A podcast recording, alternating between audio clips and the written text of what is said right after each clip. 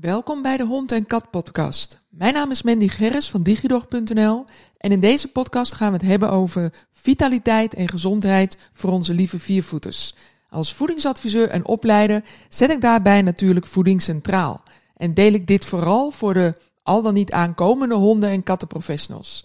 Maar er zijn natuurlijk veel meer vitaliteitsonderwerpen die ik met je wil delen via tips, inzichten, interviews en case studies. Alles om jou meer kennis en kunde te geven, zodat je jouw klanten, de eigenaar, nog beter kan helpen. Zo, welkom bij deze aflevering, de tweede alweer. En ik wil je in deze aflevering graag meenemen naar het verhaal van hoe ik nou eigenlijk met dat hele voeding ben begonnen. En mijn verhaal denk je, nou ja goed, mijn verhaal is denk ik wel interessant, omdat er ook wat dingen in zitten die je zal herkennen en misschien niet zal herkennen in deze mate. Um, maar er zitten ook wel heel veel golden nuggets en tips in, denk ik. Uh, dus ik hoop dat ik je daarmee ook kan inspireren. Goed. Um, Wilson, ik heb het eerder genoemd en, en mensen die me al wat langer kennen, kennen Wilson of kenden Wilson. Wilson is helaas niet meer onder ons. En uh, Wilson was onze vorige hond. Dat is een uh, oud-Duitse herder hadden wij.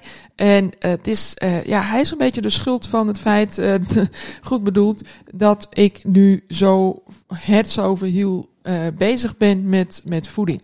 En uh, het is wel een heel bijzonder verhaal. Een hele bijzondere reis ook die, die ik heb gemaakt met hem. Um, en ik neem je graag ook eventjes mee. Wat het geval was, Wilson die is uh, bij ons gekomen in 2007. En wij hadden daarvoor ook al een Duitse herder gehad. Um, en, en ja, herders waren toch wel favorieten in onze familie, zal ik maar zeggen. Dus wij wilden heel graag opnieuw een, een Duitse herder. Alleen ik wist toen, ook door die vorige herder, dat veel herders natuurlijk heupproblemen hadden. In die tijd was dat natuurlijk uh, de, gemeengoed. Dat er was bijna geen herder te vinden met gezonde heupen. En ik dacht, wat er ook gebeurt, ik ga er een vinden waarvan de heupen goed zijn. Uh, hoe dan ook. Verder wist ik er allemaal niet zoveel van. Moet ik eerlijk zeggen, ik was gewoon een eigenaar en ik wilde dolgraag een hond. En, en het moest een herder worden. En ik kwam dus op die oud-Duitse herders uit destijds. Die stonden wat rechter, niet zo'n enorm glijbaanmodel, zeg maar.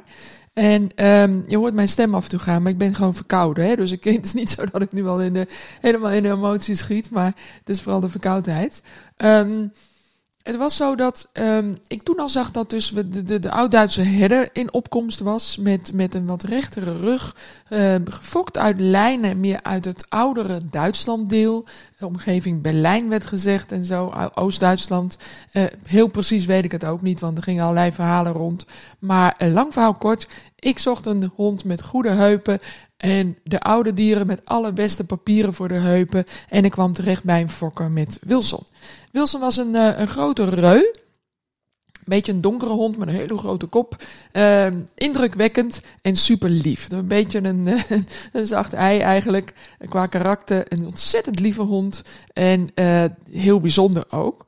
Maar Wilson was ook een, ja, een beetje een, een maandagmorgenproduct, zou ik bijna willen zeggen, qua lichamelijke status. Zijn heupen waren supergoed, dat zijn ze ook altijd gebleven. Dus dat stuk had ik goed gedaan. Alleen de rest van hem, ja, daar kun je nog wel een boek over schrijven. En dat was nogal een avontuur. En dat begon eigenlijk al in het eerste jaar. Uh, Wilson stond heel erg in de, in de Franse stand, zoals ze dat wel eens zeggen. Ik beeld het nu uit, maar als je niet uh, de video ziet dan, dan, en alleen maar luistert, dan zie je het niet. Hij stond met zijn voorpoten, zeg maar, met zijn voeten naar buiten toe gekeerd. Beetje Charlie Chaplin achter, waarbij hij dus eigenlijk zijn ellebogen in zijn, in zijn uh, lichaam liet rusten. En ik werd er al op getipt door verschillende mensen die, die dat zagen. Ik heb er ook toen in het eerste jaar al um, dierenartsen en andere experts naar laten kijken. En, en in het begin kwam er niet zoveel uit. Maar toen hij een jaar of, nee, niet een jaar of, toen hij een maand of negen was toen werd duidelijk, toen heb ik foto's laten maken uh, van zijn heupen. En ik heb gezegd, doe zijn ellebogen gelijk ook maar even mee. Zijn voorkant, zijn pols en zijn ellebogen. Want hij lag toch al met een roesje op, op tafel. En ik dacht, dan nou, laat dat maar meteen tegelijkertijd doen. Dus zo gezegd, zo gedaan. Heupen voortreffelijk, maar ellebogen dus minder. Hij bleek last te hebben van een elleboogdysplasie, een LPC zoals dat dan heet. OCD ook wel genoemd.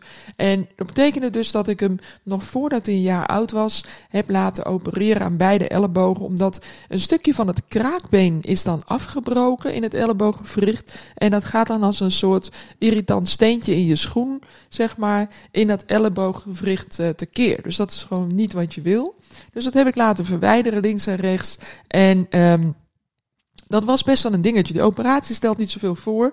Maar je moet je voorstellen dat je een negen maanden of tien maanden oude uh, puberpup hebt van een groot rastype. Hij is uiteindelijk was hij 42 kilo zwaar, dus toen zal hij tegen de 40 kilo geweest zijn.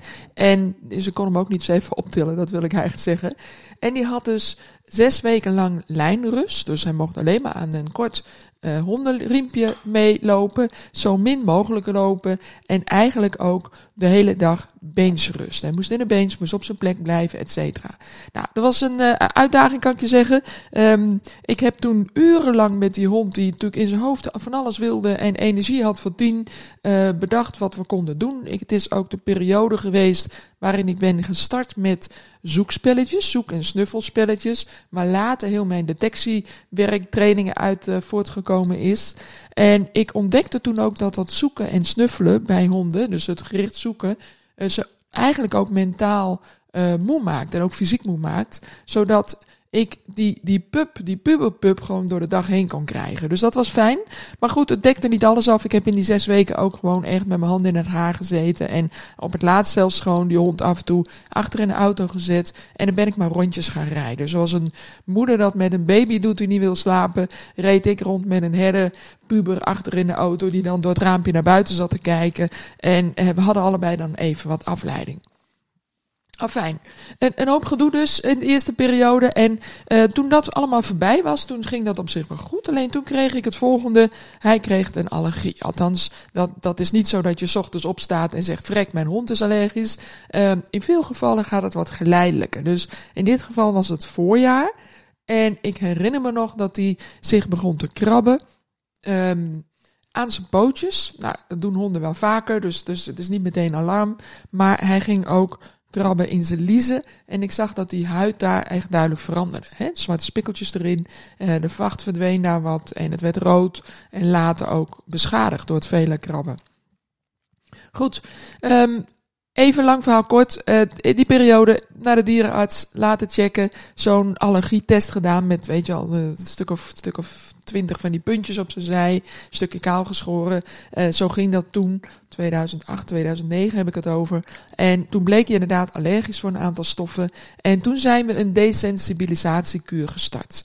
Dat, uh, dat kende ik niet. Nogmaals, ik was gewoon een hondeneigenaar en ook hondentrainer. Um, dat kende ik toen nog niet. En ik dacht toen van, goh, um, ja, laten we het maar doen. En dat betekende dat we iedere week in het begin, daarna iedere twee of iedere vier weken, naar de dierenarts moesten voor een uh, prikje. Tegenwoordig kan je dat ook zelf thuis doen volgens mij, maar toen moest dat echt nog via de dierenarts. En dat hij dan een goedje ingespoten kreeg waar hij eigenlijk allergisch voor was. Maar in zo'n lichte kleine mate dat je um, dat het lichaam de kans heeft om daar normaal op te reageren. Dat was het idee, zodat het immuunsysteem zich als het ware een beetje kon herpakken en niet meer zo overdreven reageerde. Nou, dat ging eigenlijk best wel goed. We kregen in het begin cortisone erbij. De cortisone konden we afbouwen. En ik ben in die periode ook veranderd van voeding. Ik ben verse voeding gaan geven, althans een KVV. En um, dat had iemand mij getipt. Wist ik veel. Ik dacht, nou, dan ga ik dat maar proberen. En ja, uiteindelijk hadden we dat onder controle. Uh, zo goed, zo kwaad ging dat door, een jaar, anderhalf jaar lang. En toen gingen we verhuizen. Nou, eigenlijk nog wel langer, denk ik. Uh, 2009, 2010. Toen gingen we in 2012 gingen verhuizen naar Engeland. Eind 2012. Dus best wel een aantal jaren met die desensibilisatiekuur doorgezet. En in Engeland was ik dat ook van plan. Hè? Verhuizen vanwege het werk van mijn man. En wij zaten daar. En ja, het is best wel eens een hele onderneming, zo'n verhuizing. Um, er komt best veel bij kijken. En ik moest daar natuurlijk een nieuwe dierenarts vinden. En ik dacht, ik zet gewoon die desensibilisatiekuur voort. Alleen dat lukte niet, want die dierenarts zegt, ja, wij kunnen al die gegevens niet overnemen van Nederland. Je moet gewoon van meet af aan opnieuw starten met die onderzoeken. Nou, ik, ik had het even te druk met veel dingen. Er moesten echt wat dingen geregeld worden. En ondertussen was dus dat termijn van het nieuwe prikje verstreken. Dus ik had het een beetje laten verlopen en ik dacht, ga gewoon even kijken wat er gebeurt. En er gebeurde helemaal niets. Het bleef gewoon goed gaan. Dus een half jaar ging voorbij, een jaar ging voorbij, zonder desensibilisatiekuur. En Wilson ging hartstikke goed. Dus dat was heel cool. Ik, uh, ik was eigenlijk over die allergie heen. Ik niet, de hond natuurlijk. Maar ik uiteindelijk ook. Want het scheelt natuurlijk uh, nou ja, het nodige in mijn portemonnee. Hoewel ik verzekerd was in Nederland. Uh, die verzekering kan je dus ook niet meenemen naar het buitenland. Dan moet je opnieuw laten verzekeren. En er worden al dit soort dingen natuurlijk uitgesloten. Dus dat had ik ook niks aan. En um, ik was dus dolgelukkig dat hij over die allergie heen was. En in Engeland had ik hem ook op een soort KVV weten te zetten. Dan moest ik wat zoeken, maar dat was ook wel mogelijk. Maar goed, na twee jaar Engeland verhuisden we voor drie maanden naar München en daarna door naar Chili, Santiago de Chili, Zuid-Amerika. Dus uh, er veranderde veel en dat verhuizen is, uh, heeft best wel veel impact natuurlijk. Mm, niet alleen omdat het een heel project is, maar ook omdat natuurlijk iedere keer je hond naar een ander voer moet. Want in een nieuw land heb je gewoon niet altijd dezelfde voerkeuze. En sterker nog, en dat wist ik toen niet, als je een bepaald merk hebt wat je ook daar kan kopen, is de samenstelling of de productie van wat in die verpakking zit vaak heel anders dan wanneer je dat hier koopt. Dus ook daar heb je dan mee te maken. Dus dat wist ik toen niet, nogmaals, maar nu weet ik het wel. Um, maar dat was dus best wel wat. Dus in Chili kwam ik in totaal andere wereld. Dat kan je je voorstellen in, in Santiago. Um, we hadden daar niet slecht hoor, begrijp me niet verkeerd. Maar ja, opnieuw zoeken naar dierenartsen. Spreken allemaal een soort van Spaans. Dat sprak ik niet. Nog niet toen in ieder geval. En um, opnieuw zoeken naar voeding. Dat moet je natuurlijk vrij snel doen. Je kan geen zak brokken of wat voor voer meenemen. Even in het vliegtuig of op de boot, al helemaal niet, naar Chili toe. Dus ik moest meteen iets regelen. Ik begon dus even eenvoudig. Ik kocht in eerste instantie brokken daar van een bekend merk. Ik dacht van nou, dat kennen we, dat zal wel goed zijn. Um, en ik, ik wilde natuurlijk ook kijken of er een KVV was. Nou, dat kenden ze daar niet. Uh, ik heb het nooit kunnen ontdekken in die tijd in ieder geval. En uh, vers wilde ik ook niet meteen, want ik wist niet zo heel goed hoe je die kwaliteit daar kon inschatten. Er werd ook wel gewaarschuwd voor rauw vlees. Um, inmiddels weet ik wel iets meer en het is allemaal niet zo heel spannend. Maar ik dacht echt, ja, in wat voor land kom ik terecht? Dus uh, dat kan je misschien ook wel iets bij voorstellen. Goed, ik kocht dus uh, brokken van een, van een grote uh, bekende wereldwijde speler, zeg maar. Groot bekend merk. En ja, ik dacht, weet je, dan is dat hetzelfde als hier. Dat is dus niet zo. En wat ik nu weet over de kant-en-klaarvoer, brokken, blikvoer, et cetera, is dat de eisen die in Amerika worden gesteld, en Chili is Zuid-Amerika, maar zijn heel erg, um, hoe heet het, gericht op de Verenigde Staten in alles wat ze doen en wat ze hebben. En heel veel richtlijnen worden daar ook overgenomen als ze al zijn.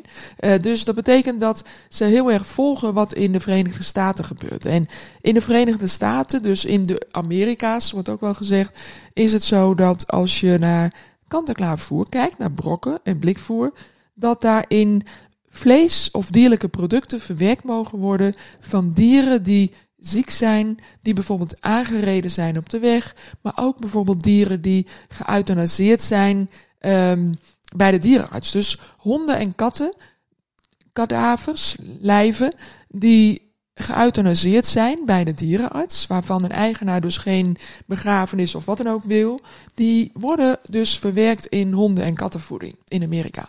In Europa is dat verboden. In de Amerika's mag dat. En dat betekent best wel veel. Even los van het idee dat het best wel akelig is, is het natuurlijk ook een probleem als je weet dat die dieren, die zieke dieren, natuurlijk allemaal medicijnen hebben gehad. En die medicijnresten zitten dus in het voer. En ook geëuthanaseerde dieren. Het is regelmatig zo. En als je er even op googelt in, in je beste Engels, uh, vind je het ook terug. Is het zo dat in de Verenigde Staten terugroepacties zijn van hondenbrokken bijvoorbeeld, die te veel um, een te hoge waarde hebben aan de geneesmiddelen, de stoffen, waarmee je honden en katten euthaniseert. En dat is natuurlijk helemaal niet lekker om die voer te hebben. Dus dat, dat wordt dan teruggeroepen en er is allerlei gedoe over. Omdat natuurlijk onze ja, de honden die het eten, daar natuurlijk ook niet gezonder van worden. Ik, ik schrok daar later heel erg van. Dat wist ik toen nog niet. Ik, ik dacht toen goed te doen. Um, maar in die jaren in Chili, ik heb er twee jaar gewoond, merkte ik al dat Wilson niet topfit was. Opnieuw niet. Um, hij had natuurlijk het gedoe met zijn elleboog. Hij had in Engeland nog een ongeluk gehad met zijn elleboog. Wat een soort van gebroken, verbrijzeld was. Uh, weer een hele herstelperiode met veel ontstekingen en gedoe. Um, maar in Chili vond ik Wilson niet topfit. Hij was er wel, maar hij vond hem wat sloom. Ik vond hem wat wat traag. Hij was niet, niet super enthousiast. Hij wandelde wel mee, maar hij was eigenlijk ook altijd wel weer blij als we teruggingen. Allemaal tekenen die niet heel glashelder waren, maar ik kon hem mijn vinger niet echt opleggen. En ik dacht in het begin, ja, nogal wie dus. We zijn verhuisd naar een compleet ander klimaat. Daar moet u ook even aan wennen. Um, misschien is hij wel nog wat gestrest van de veranderingen, weet ik veel wat. Uh, alles bedenk je. En ondertussen ben ik hem gaan laten onderzoeken daar. Ik dacht, ja, weet je, we hebben de mogelijkheden. Ik ga naar de dierenartsen hier. En de grap is dat ze daar ook best wel veel onderzoeksmogelijkheden hebben voor honden en katten. Dus ik ben kliniek in geweest, uh, CT-scans, allerlei scans laten maken, bloedtesten laten doen. Uiteindelijk ook zelfs uh, hartfilmpjes laten maken. Uh, die heb ik nog ergens liggen. Dat is zo'n strookje met zo'n hartritmeprofiel. Um, alles wat ik kon krijgen in Chili voor de hond, hè, qua onderzoek, heb ik zo'n beetje laten doen. En nergens kwam iets zinvols uit. En dan zeiden van ja, hij is natuurlijk niet super jong meer. Maar goed, hij was zes, zeven jaar of acht jaar. En ik dacht, ja, nee, hij is eigenlijk nog te jong voor dit soort problemen. Goed, um, er was dus niks te merken. Het zat mij niet lekker. Ik wist eind 2016 dat we weer terug gingen verhuizen naar Europa, naar Duitsland toe. En ik zei tegen mijn man, joh, we doen eerst dat verhuisproject maar, want dat is nogal wat. En als we weer in Duitsland wonen, dan ga ik opnieuw met hem maar daar de medische molen in. En Wilson sukkelde ondertussen door. Het was gewoon lief, vriendelijk, alles prima. En ik was druk met die verhuizing. En we zaten dus vanaf kerst 2016 in, in Zuid-Duitsland. En in het vroege jaar van 2017 ging het dus mis. In februari toen uh, zakte Wilson plots door zijn hoeven heen. Ik was toen al onder behandeling bij een dierenarts. Ik vond toen al een aantal dingen niet lekker. We hadden bloedtest laten doen, niks gemerkt. Uh, we deden hydrotherapie, ik vond hem niet fit lopen. Uh, allemaal kleine signalen en onderzoeken wezen op niets. Toch ging het toen mis, eh, begin februari. En als je mij wat langer volgt, heb je me dat vast, eerder een keer horen vertellen. Als je nieuw bent, hoor je het nu voor het eerst. Um, Wilson viel letterlijk om. Ik zat te werken aan, aan tafel in, uh, in, in Stuttgart, in ons appartement daar. En uh, Wilson stond naast me en hij keek me aan en hij viel gewoon letterlijk door zijn hoeven heen. Ik schrok me natuurlijk helemaal wezenloos. Hij was gewoon bij, maar had niet de kracht. Ik zag toen meteen onder zijn lippen dat zijn uh, doorbloeding miste, had bloedarmoede. Uh, zijn, zijn, zijn tandvlees en zijn, uh, de binnenkant van zijn lippen was gewoon bijna spierwit. Dus dat was foute boel. Dus ik meteen jas aan, tas gepakt, hond mee, de lift in de auto in, de dierenarts gebeld en daarheen daar aangekomen, toen ging het eigenlijk wel weer met hem. En achteraf natuurlijk logisch door alle adrenaline en mijn stress is dat waarschijnlijk weer een beetje opgepept. En daar met de dierenarts samen gekeken, niks kunnen vinden. Ze kijken een paar dagen aan uh, en het zat me niet lekker. Heel stom achteraf. Uh, ik rook in zijn bek eigenlijk een enorme ijzerlucht. Uh, nu weet ik beter, maar toen, toen dacht ik wat vreemd. Ik heb het ook de dierenarts nog gezegd. Die haalde ook de schouders op. Wat ik dan wat minder succesvol vind, maar oké. Um, daar heb ik nu niks aan. Um, maar goed, we gingen naar huis toe. Dat was op een donderdag. En twee dagen later, op zaterdagochtend, wilden we gaan wandelen met, uh, met Wilson. Mijn man is natuurlijk ook thuis.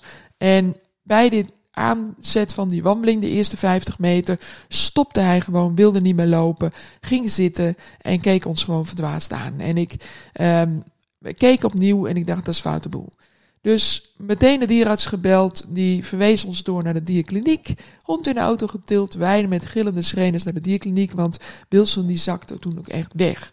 En um, ja, ik zal je alle details nog een keer op een ander moment vertellen, want dat wordt een hele lange podcast, dat gaan we niet doen.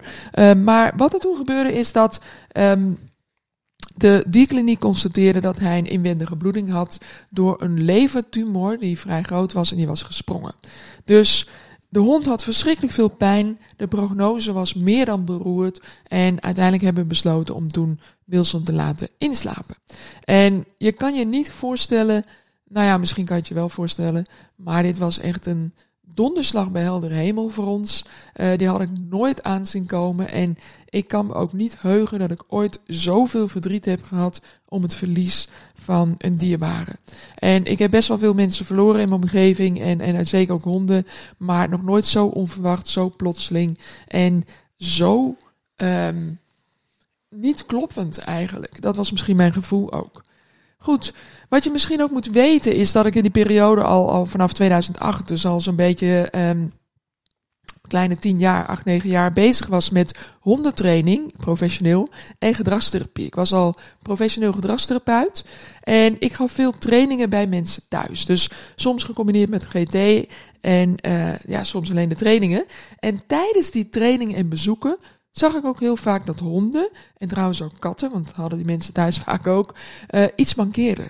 He, dus medische problemen uh, van allerlei soorten. Soms hele jonge pup die, pups die last hadden van darmproblemen of vachtproblemen of een oorontsteking bij oudere honden die me niet overging. En ik was er altijd super gebrand op om te snappen wat er speelde. Vooral ook omdat ik toen ook in de gaten had dat er een link was vaak tussen lichamelijke klachten, pijn bijvoorbeeld, uh, ongemak en gedragsproblemen of ongewenst gedrag. En ook zag ik dat het onderwerp voeding daar steeds vaker een rol bij speelde. Dus ik tipte toen eigenaren regelmatig gewoon als zijnde vanuit mijn eigen ervaring van joh, ga eens een keer kijken naar een KVV in plaats van een brok en kijk even of dat een verschil maakt voor je dier. Of als je nu bijvoorbeeld een prijspakker aan brokken koopt, hè, het goedkoopste wat je kan vinden in een supermarkt of bij een groot rutte. Um, kijk eens of je misschien naar wat betere kwaliteit kan gaan. En kijk eens of dat effect heeft, of misschien wat supplementen.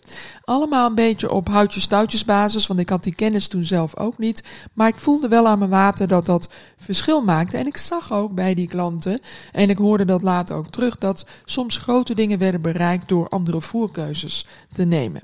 Dus uh, ja, je snapt het vast al wel. Ik, ik was al natuurlijk bezig met voeding. En, en toen Wilson helaas uh, ontviel, toen had ik zoiets van, nu wil ik snappen hoe dat kan. Hoe kan dat in vredesnaam dat er ineens zo'n tumor zit, dat dit allemaal gebeurt, dat we er allemaal geen zicht op hebben?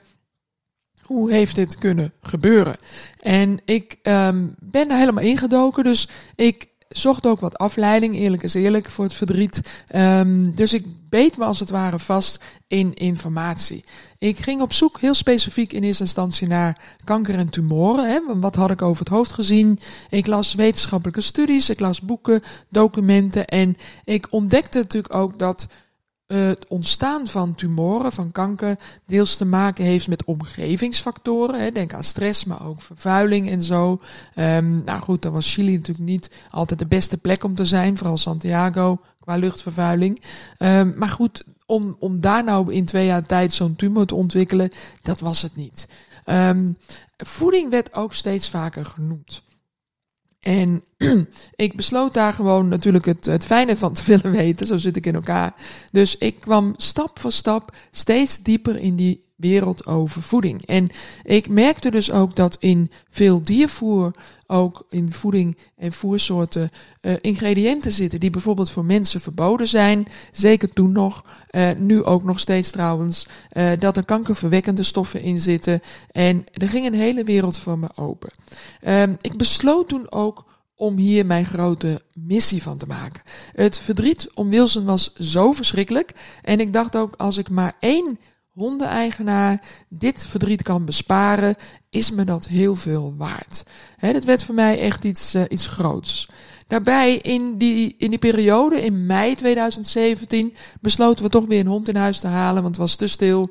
Dus we kregen Floris, onze huidige hond. En dat is een Australian Shepherd pup. Uh, hij is geen pup meer, maar was toen een pup. En ik wilde toen voor die gloednieuwe pup het natuurlijk nog beter doen. Ik ben natuurlijk gewoon ook een hondeneigenaar. En ik dacht van ja, alles wat in mijn vermogen ligt om het zo goed te doen, ga ik ook proberen. Het was niet zo makkelijk om, om die kennis allemaal te vergaren. Er is veel te vinden, veel te lezen. Er is heel veel onzin en ook een beetje zin te vinden. Um, ik ook in de wetenschap. Ik ben zelf van huis uit een beetje een wetenschapsnerd. Ik wil graag altijd weten hoe het exact zit. Uh, dat dat, dat uh, is een voordeel, maar het is ook een nadeel tegelijkertijd. Dus ik ging steeds, steeds, steeds verder op zoek. En eigenlijk doe ik dat nog steeds elke dag. Ik ben al ruim zeven jaar fulltime bezig met het thema rondom voeding. Ik heb de hele gedragstherapie en hondentraining eigenlijk vanaf die periode losgelaten. En ik was vooral bezig met de zoektocht naar kennis en informatie over uh, wat dierenvoeding is en wat voer nu eigenlijk is. Voeding is hetgeen wat het dier nodig heeft. Voer is wat je koopt om die voedingsbehoeften te vervullen. En ik veranderde ook gaandeweg mijn hele beeld over voeding en voer. Ongekend. Ik leerde ook hoe het lichaam van de hond en later ook de kat in elkaar zit. Die kat die kreeg ik er ergens bij en ik kan je vertellen, dat is mega interessant. En daar is ook heel veel in te verbeteren. En ik leerde ook hoe er qua voorkeuzes zo vaak enorm ernaast zitten.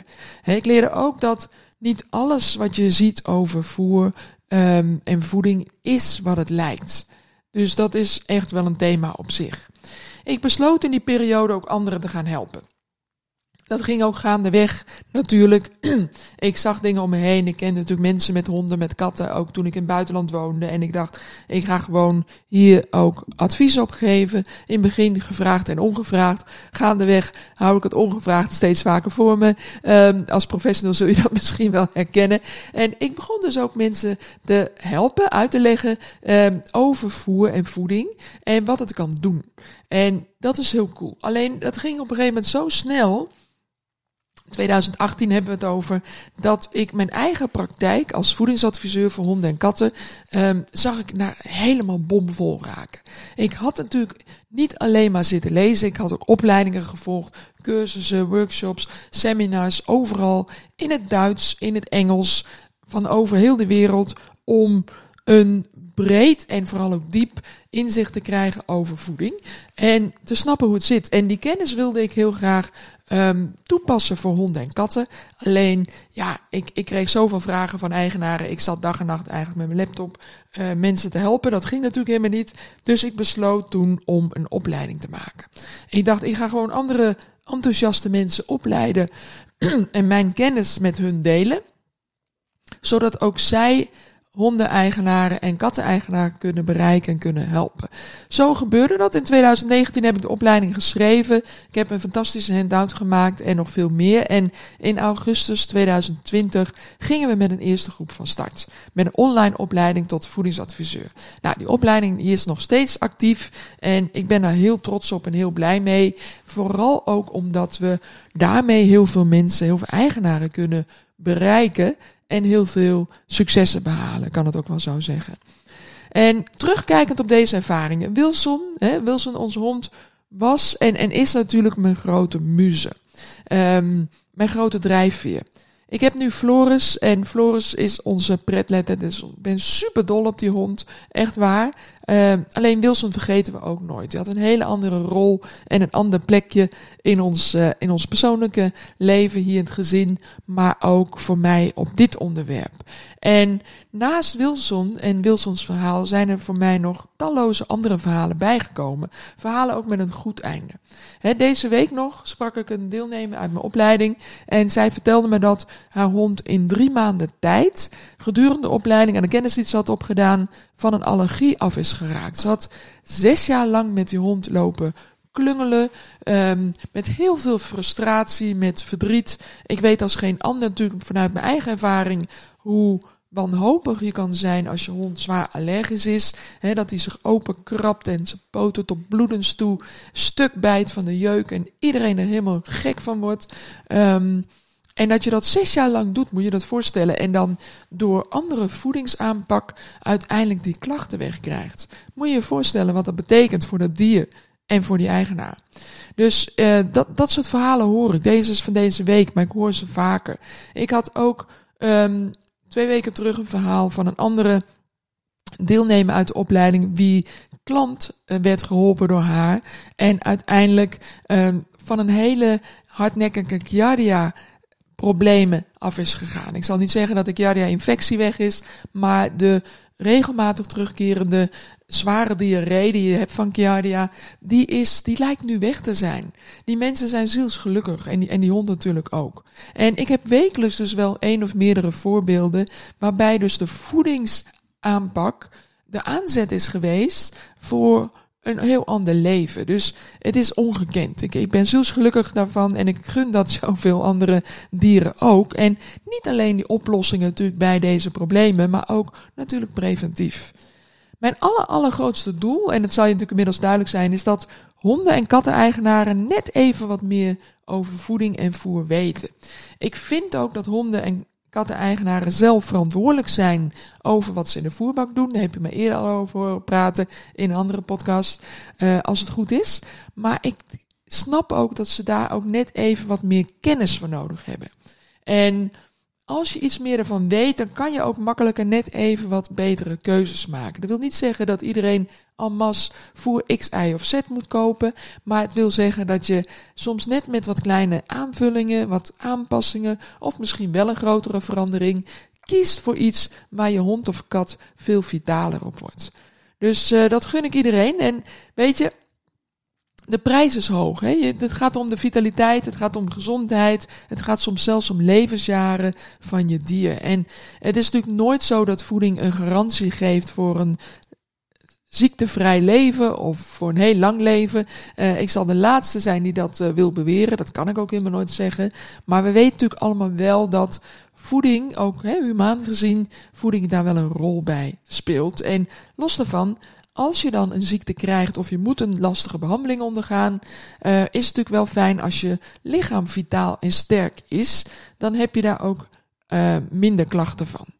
Goed, we hebben het dus over zo'n 4 miljoen Nederlanders en ruim 3 miljoen Belgische mensen die, die we proberen te bereiken. Die ik graag zou willen bereiken met meer kennis. En dat kan ik natuurlijk nooit in mijn eentje. Dus dit is voor mij ook de grote reden om mensen op te leiden, om via de opgeleide mensen, zodat zij ook weer hun netwerk, hun boodschap kunnen verspreiden en ook eigenaren verder kunnen helpen.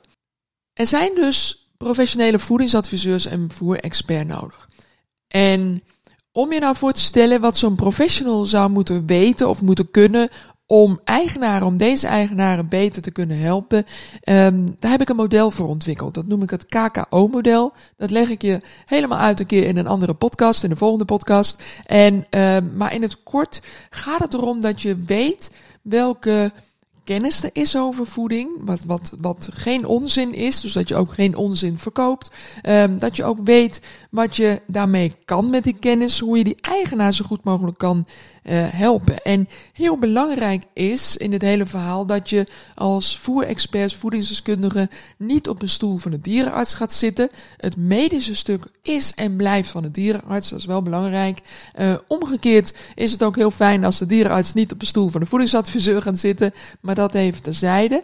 Um, maar we zien dus wel dat resultaten vaak erg treffend zijn. En hoe cool is het, want dat zie ik steeds meer voedingsadviseurs doen die de opleiding hebben gedaan bij mij, um, dat ze samenwerken met een dierenarts, met de eigenaar, om het dier zo goed mogelijk te helpen. He, dat is heel belangrijk. Um, voeding is geen wondermiddel, maar er is weinig anders wat het lichaam van een hond of kat, van een mens ook trouwens, elke dag weer opnieuw zo aan het werk zet. Hè? Qua stofwisseling, qua opname van nutriënten, maar ook de afvoer van afvalstoffen. Dus het is best wel logisch dat een voerkeuze zo verschrikkelijk veel doet voor het lichaam. En ik ben er ook van overtuigd dat de mentale staat van een dier uiteindelijk ook daardoor wordt beïnvloed. Hè? Dus ook gedragsmatig, et cetera. Goed.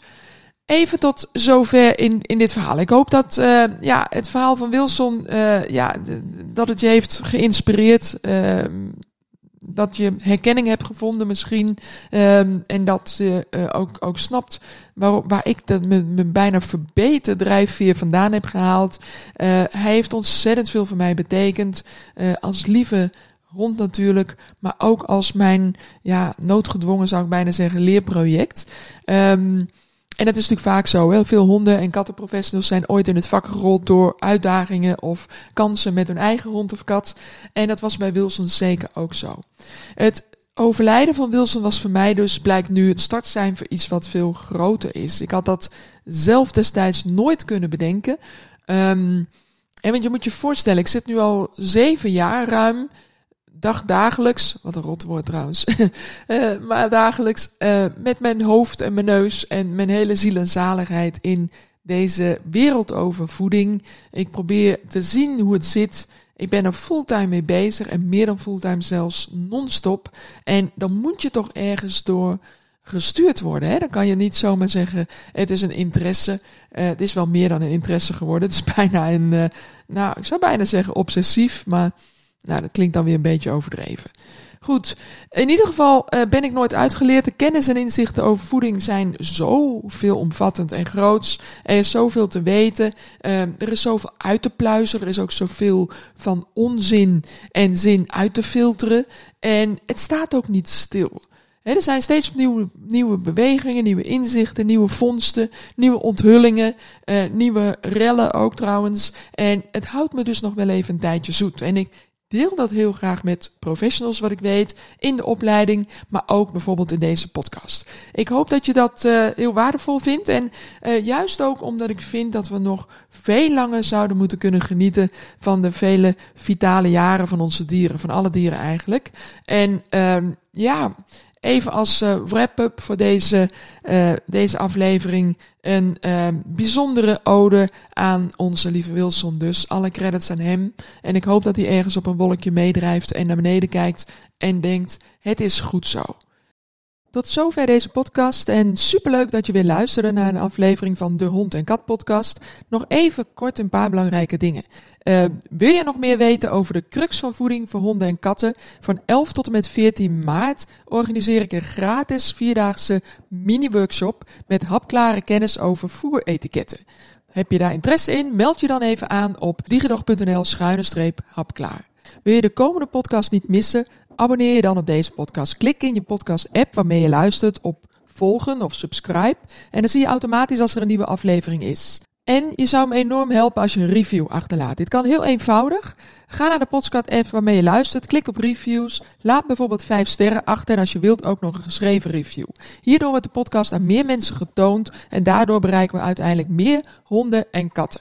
Hoe mooi is dat? Dankjewel alvast en nogmaals dankjewel voor het luisteren. Tot de volgende keer. Doei doeg!